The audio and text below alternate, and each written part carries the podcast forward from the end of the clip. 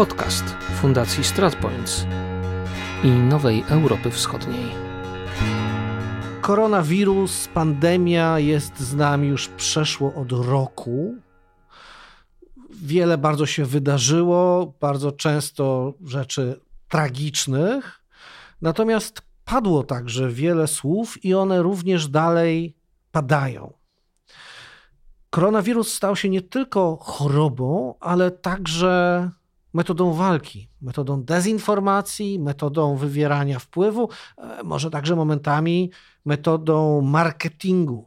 Moim rozmówcą jest generał broni rezerwy Mirosław Różański, prezes Fundacji StratPoints. Dzień dobry. Dzień dobry panie redaktorze, dzień dobry państwu. Panie generale, na ile rzeczywiście coś takiego jak pandemia, a więc choroba o zasięgu globalnym, dotykająca wszystkich, staje się bronią, czy staje się metodą wywierania wpływu przez czy to Chiny, czy też Rosję, albo inne kraje na inne państwa? Cieszy mnie to porównanie, że pandemię porównuje pan do walki, swoistej walki. A jeżeli już mówimy o walce, to na początek naszych e, rozważań jako wojskowych chciałbym przytoczyć e, klasyka klasyków, czyli Sun Tzu, który w jednej ze swoich myśli przekazuje, że cały sekret polega na myleniu wroga, aby nie mógł pojąć naszego prawdziwego zamiaru. Celowo przywołałem to określenie, ponieważ e, dzisiaj, kiedy obserwujemy to, co się dzieje w wymiarze globalnym,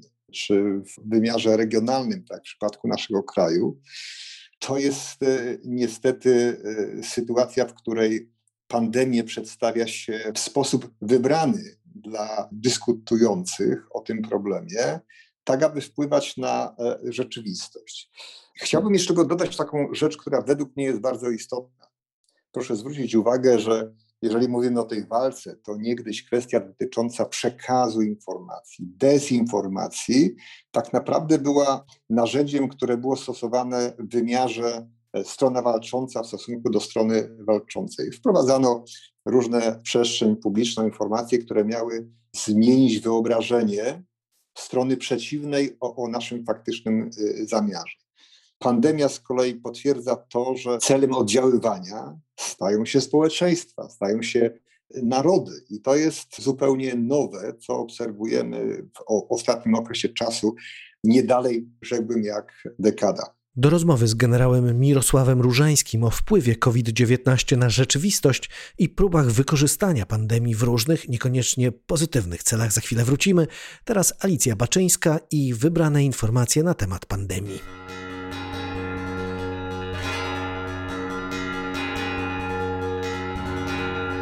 Trwają prace nad formą globalnego certyfikatu, który umożliwiłby swobodne poruszanie się osób zaszczepionych przeciwko COVID-19. Obecnie większość dostępnych czy dopiero wprowadzanych rozwiązań ma zasięg regionalny. Przykładem tego jest europejski paszport covidowy. Tymczasem Fundacja Linux poinformowała o uruchomieniu globalnej sieci certyfikatów covidowych, która umożliwi potwierdzanie lokalnie wydawanych zaświadczeń. Dzięki temu na przykład pracownik linii lotniczych wpuszczający pasażerów na pokład samolotu będzie mógł sprawnie potwierdzić, czy przedstawiony mu dokument jest prawdziwy i został wystawiony przez wiarygodną instytucję. W pierwszej kolejności nowe rozwiązanie umożliwi uzgodnienie wymagań europejskich i pozaeuropejskich paszportów covidowych potwierdzających, czy dana osoba została zaszczepiona, ozdrowiała lub posiada aktualny negatywny wynik testu.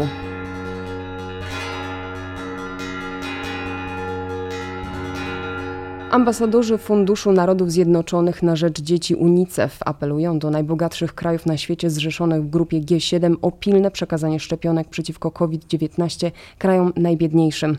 Pod apelem podpisali się m.in. słynny piłkarz David Beckham, aktorki Whoopi Goldberg, Olivia Colman, aktor Orlando Bloom, piosenkarka Billie Eilish czy modelka Claudia Schiffer. Sygnatariusze apelu proszą kraje bogate, by do sierpnia tego roku 20% swoich szczepionek przekazały najbiedniejszym czyli około 150 milionów dawek.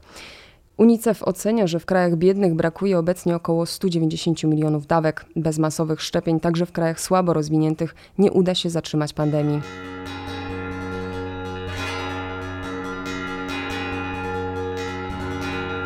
Wariant Delta koronawirusa, nazywany także mutacją indyjską, szerzy się w Wielkiej Brytanii. Jest to mutacja znacznie bardziej zaraźliwa od poprzednich wariantów wirusa SARS-CoV-2. Mutacja ta odpowiada za około 90% nowych zakażeń na wyspach. Wzrost liczby odnotowanych przypadków wirusa indyjskiego stwierdzono w szczególności w okolicach Manchesteru. Brytyjskie służby medyczne podkreślają związek między masowymi szczepieniami a niską śmiertelnością pomimo obecności wariantu Delta. Pierwszy raz mutację tę zauważono w grudniu 2020 roku w Indiach. Nowe badania sugerują, że może to być najszybciej dotychczas rozprzestrzeniająca się wersja wirusa. Na przykład w USA odpowiada już za około 6% nowych przypadków choroby. W Polsce pierwsze przypadki zachorowań spowodowanych indyjską mutacją koronawirusa potwierdzono na początku maja tego roku.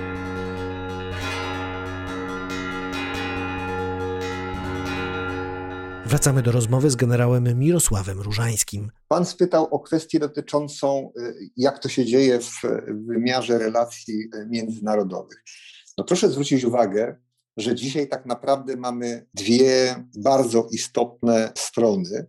Główni gracze sceny geopolitycznej, myślę tutaj o Stanach Zjednoczonych i o Chinach. I dyskusja toczy się na temat y, tego, kto tak naprawdę uwolnił tą pandemię. Mniej w przestrzeni publicznej słyszymy, co należy czynić, jakie należy podjąć starania, aby tą pandemię opanować, tylko wskazuje się, że pandemia jest konsekwencją nie tylko i wyłącznie rozwijającego się wirusa, tylko jest to skutek zaniedbań na przykład strony chińskiej, że, że ten wirus wyrwał się z jednego z laboratoriów. No Wuhan oczywiście jest przywoływane w ten sposób. Chińczycy nie pozostają dłużni i y, takie same komunikaty przekazują światu, obarczając winą Amerykanów.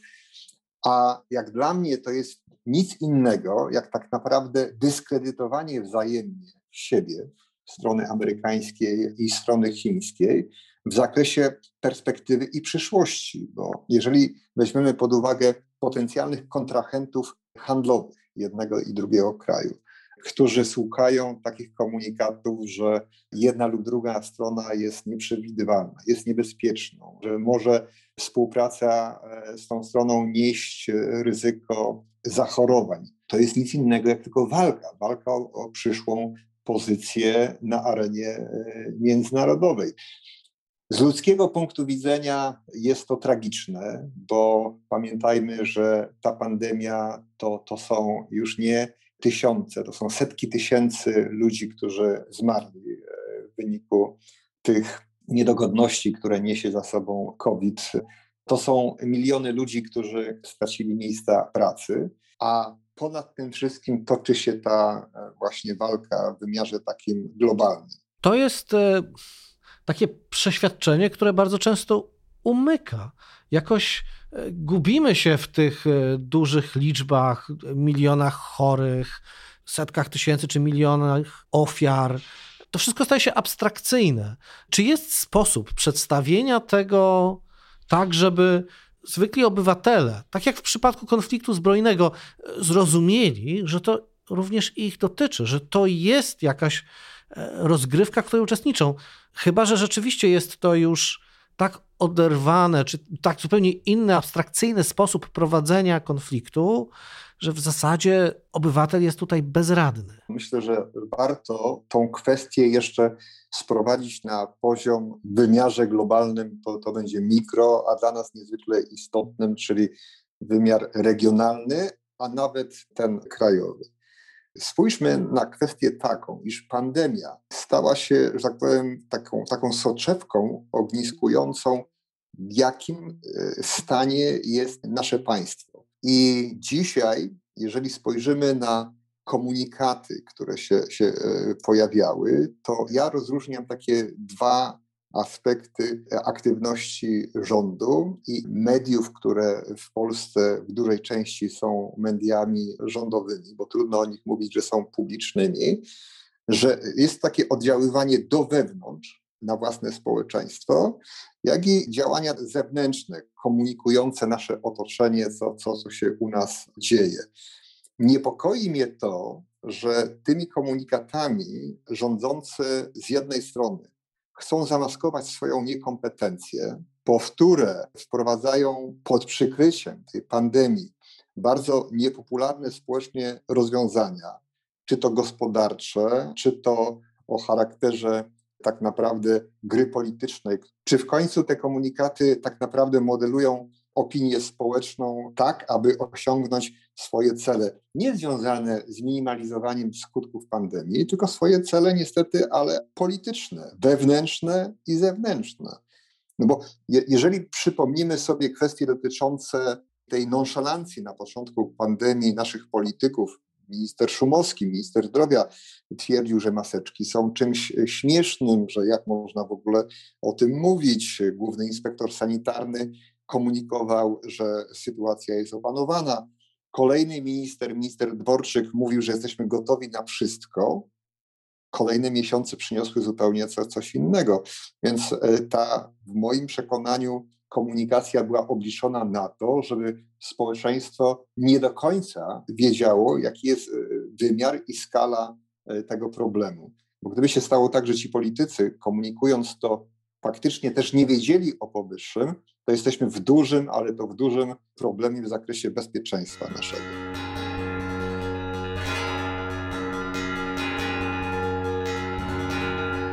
Mam wrażenie, że to jest problem, z którym jednak nie tylko nasi politycy się zmierzyli, bo wiemy, że na początku przynajmniej pandemii nikt do końca nie wiedział, czego się spodziewać i jak to się będzie rozgrywało. I w bardzo wielu miejscach pojawiały się błędne decyzje, czy niekoniecznie dezinformacja jako działanie celowe, ale po prostu obywatele byli wprowadzani w błąd. To jest problem, z którym wiele krajów się zmagało, ale mam też wrażenie, że jest to problem, który był również celowo momentami wykorzystywany, na przykład przez działania zewnętrzne, po to, żeby wprowadzać właśnie tę celowo destabilizację. Absolutnie tak. No proszę zwrócić uwagę, że narracja e, polskiego rządu w stosunku do takich podmiotów jak e, Unia Europejska, do sąsiedztwa naszymi krajami, jeszcze przed pandemią była o określonym zabarwieniem. Wskazywało się na złe alianse z naszym sąsiadem pod tytułem Niemcy, z którymi jesteśmy, jakby nie było, członkiem elitarnego klubu pod tytułem Unia Europejska i też NATO. Dyskredytowano Francję, że jest złą. I z chwilą, kiedy się pojawia pandemia, w pewnym momencie dochodzi do, do narracji, która potęguje ten przekaz, tak? Bo wskazywano, że, że Niemcy nie chcą na przykład uwolnić w cudzysłowie naszych lekarzy, którzy pracują zawodowo e, na terenie Niemiec. Tak? To Unię Europejską wskazywano, że jest tą, która źle wynegocjowała kwestię dotyczącą szczepionek e, i wielkości, które będą do nas dostarczane. Czyli problem wewnętrzny kraju sfokusowano na, na instytucję, która była krytykowana wcześniej. Ja, panie redaktorze, bym rozdzielił dwie rzeczy dotyczące kwestii takich merytorycznych, że na przykład służba zdrowia nie do końca była przygotowana na skalę problemu, z którym się należało zmierzyć. Tak? Zwróćmy uwagę, że przez ten czas procedury, sposób postępowania ewaluuje przez cały czas. Światowa Organizacja Zdrowia, często krytykowana, ale podejmuje pewne kwestie proceduralne. Ale to wszystko się dokonuje w trakcie narracji tej politycznej, która jest tak naprawdę informacją i dezinformacją dedykowaną swojemu społeczeństwu. I to jest niebezpieczne, że politycy tą tragedię, powszechną, globalną tragedię, wykorzystali do tego, żeby ładnie można by powiedzieć stymulować, a tak naprawdę wpływać na swoje własne społeczeństwa, ale również oddziaływać na sąsiadów.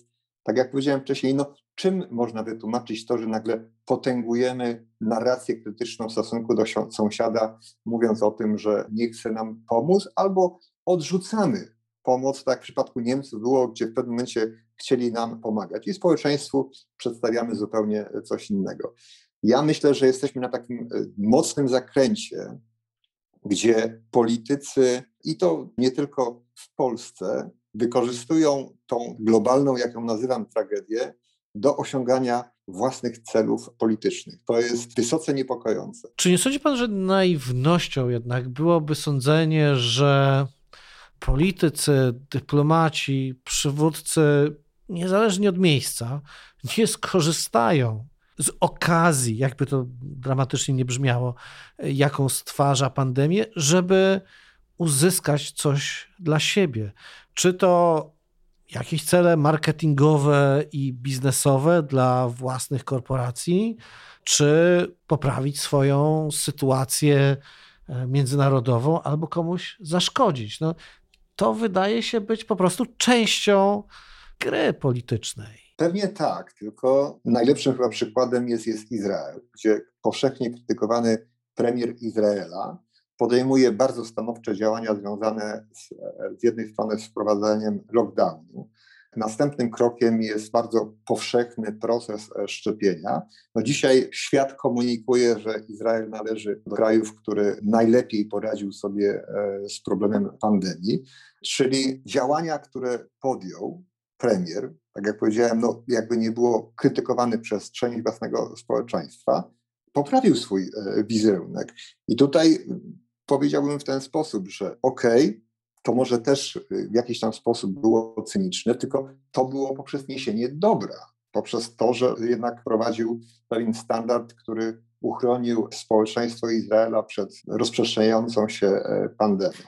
Natomiast jeżeli ktoś podejmuje działania no, no wręcz odwrotne, tak jak to zrobił premier Morawiecki, który była potrzeba wygrania przez kandydata na prezydenta tego ugrupowania politycznego, pana Andrzeja Dudę, wyborów prezydenckich, to nie wahał się mówić o tym, że pandemii nie ma, zachęcał wszystkich, szczególnie seniorów, żeby szli głosować. A to, że ta moja teza jest uzasadniona, no to kilka miesięcy później premier przyznaje się do tego, że, że trochę może w sposób taki nieodpowiedzialny zachęcał e, społeczeństwa. Premier musi brać odpowiedzialność za swoje słowa i czyny. I wtedy, kiedy wszyscy wiedzieli, że jest duży problem z pandemią w wymiarze krajowym, europejskim i światowym, te jego hasła, które były, one nie były dedykowane w trosce o społeczeństwo, tylko o interes partyjny. Więc zgodzę się z Panem, że politycy będą wykorzystywali różnego rodzaju sytuacje.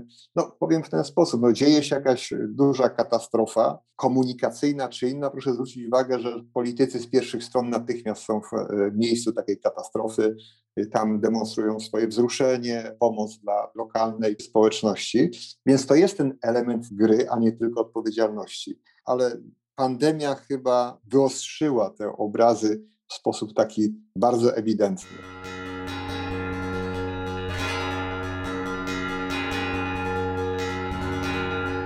To na poziomie krajowym. A jak pan ocenia wielkie organizacje międzynarodowe, do których należymy? Bo tutaj jest Unia Europejska, jest NATO, które również mogłoby mieć rolę do odegrania, a wydaje się, że znaczące jednak nie odegrało. Oczywiście tutaj jako wojskowy chciałbym przywołać tą, tą zasadę, że z każdego zdarzenia należałoby wyciągnąć wnioski. Rozmiar tragedii, który jest związany z pandemią, on oczywiście cywilizacyjnie nie jest czymś nowym, bo w historii mieliśmy już podobne tragedie, jak chociażby Hiszpanka, ale jak pan przywołał tutaj y, organizacje międzynarodowe, czy to NATO, Unię Europejską, to myślę, że, że tutaj musi nastąpić pewna rewizja do czego te struktury są powołane. Myślę, że tutaj y, ważną rolę i lekcję powinna odrobić Światowa Organizacja Zdrowia, bo tutaj też jest krytykowana, za pewną inercję, za wcześniej może brak takiej kreatywności i, i stanowczego działania, jeżeli chodzi o kwestie prewencyjne. I dzisiaj powiem zupełnie szczerze, że nie odważyłbym się na krytykę którejkolwiek z instytucji międzynarodowych, szczególnie tych nam bliskich, czyli Unii Europejskiej i NATO, bo to są stosunkowo, jakby nie było, w wymiarze globalnym młode organizacje, szczególnie Unia Europejska. I byłoby dobrze, żeby z tego zdarzenia, które rozpoczęło się w marcu ubiegłego roku, trwa do dzisiaj, wyciągnięto wnioski, bo jakbyśmy na to nie spojrzeli, no to wiele tych niedoskonałości jest, chociaż proszę zwrócić uwagę na to, jak sprawnie w zakresie, że tak powiem, podejmowania decyzji odnośnie alokacji środków finansowych i przeznaczenia ich na badania, jak to w moim przekonaniu zostało zrobione sprawnie i z taką jednomyślnością. Więc, więc tutaj nie tylko krytyka, tylko wskazanie, że te instytucje starały się odnaleźć w tej rzeczywistości. Natomiast Myślę, że wielokrotnie będziemy jeszcze na ten temat dyskutowali, ale kwestie dotyczące przepływu informacji takiego wcześniejszego e, monitorowania różnych e, zdarzeń o charakterze takim jak w przypadku pandemii zdrowotnych powinniśmy poprawić. Komunikacja międzynarodowa, która powinna być zapewniona, aby informacja o pojawiającym się zagrożeniu była powszechnie dostępna dla ekspertów i specjalistów, żeby można było podejmować działania, to, to są obszary, które na pewno trzeba doskonalić i wprowadzić na wyższy poziom w zakresie sprawności i czasu funkcjonowania. A jeżeli spojrzymy na NATO, na samym początku pandemii była stosunkowo jednak niewielka pomoc. W związku z tym tutaj Sojusz nie odegrał znaczącej roli w mobilizacji środków medycznych. Natomiast NATO ma jeszcze jedną stronę, to jest ta część informacyjna walki z dezinformacją. Tutaj też nie widzimy jakiejś zdecydowanej kampanii, chociaż wiemy, że kwestie covidowe są wykorzystywane w celu szerzenia dezinformacji. Nie sądzi pan, że tutaj NATO powinno jednak jakoś spróbować przedefiniować swoją rolę, by odnajdywać się w sytuacjach takich, które jednak stanowią zagrożenie dla milionów obywateli krajów członkowskich? Ja myślę, że powszechnym jest takie przekonanie, że tutaj w Europie szczególnie, że NATO jest y, swoistym antidotum na zagrożenia, które mogą wystąpić w stosunku do krajów członkowskich. I tu bardziej to jest wszystko postrzegane przez pryzmat konfliktu o charakterze konfliktu zbrojnego.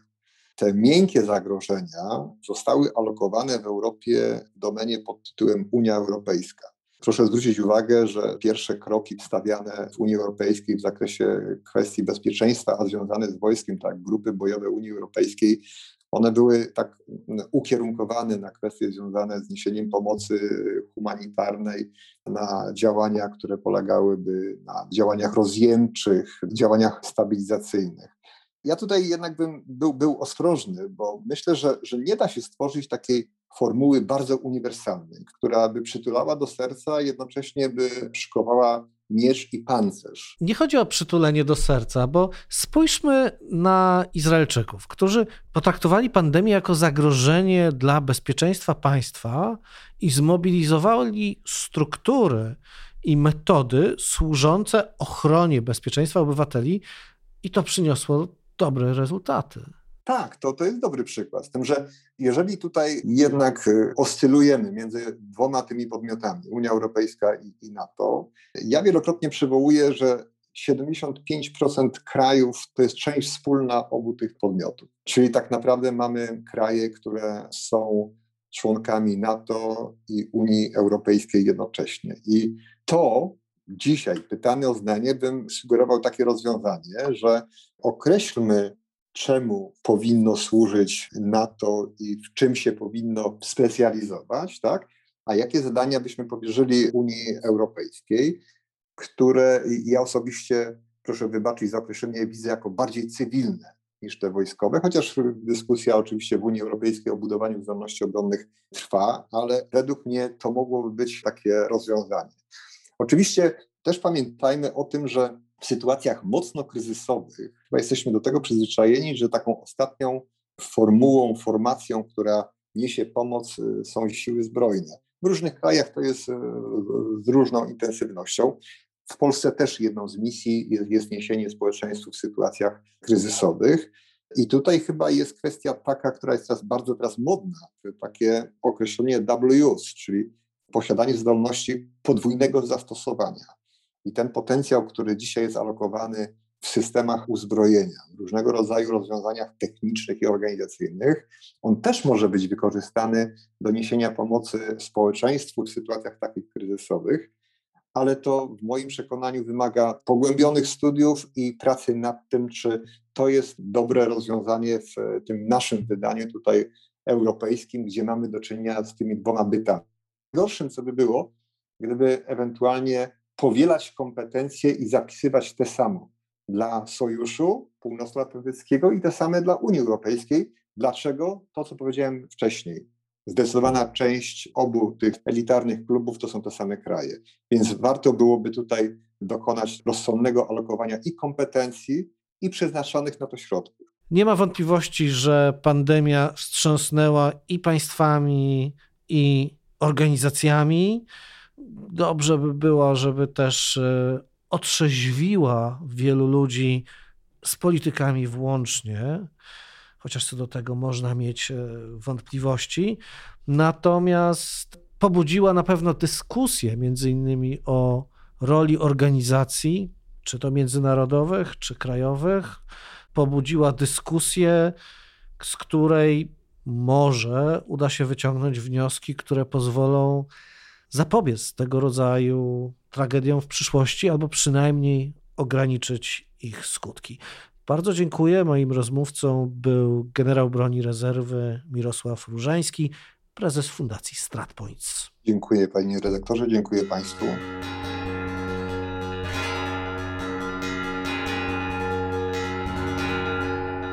Podcast został sfinansowany z grantu przyznanego przez Departament Stanu USA. Opinie, stwierdzenia i wnioski zawarte w tym podcaście należą do jego autorów i nie muszą odzwierciedlać stanowiska Departamentu Stanu USA. To był podcast Fundacji StratPoints i Nowej Europy Wschodniej. Realizacja Free Range Productions.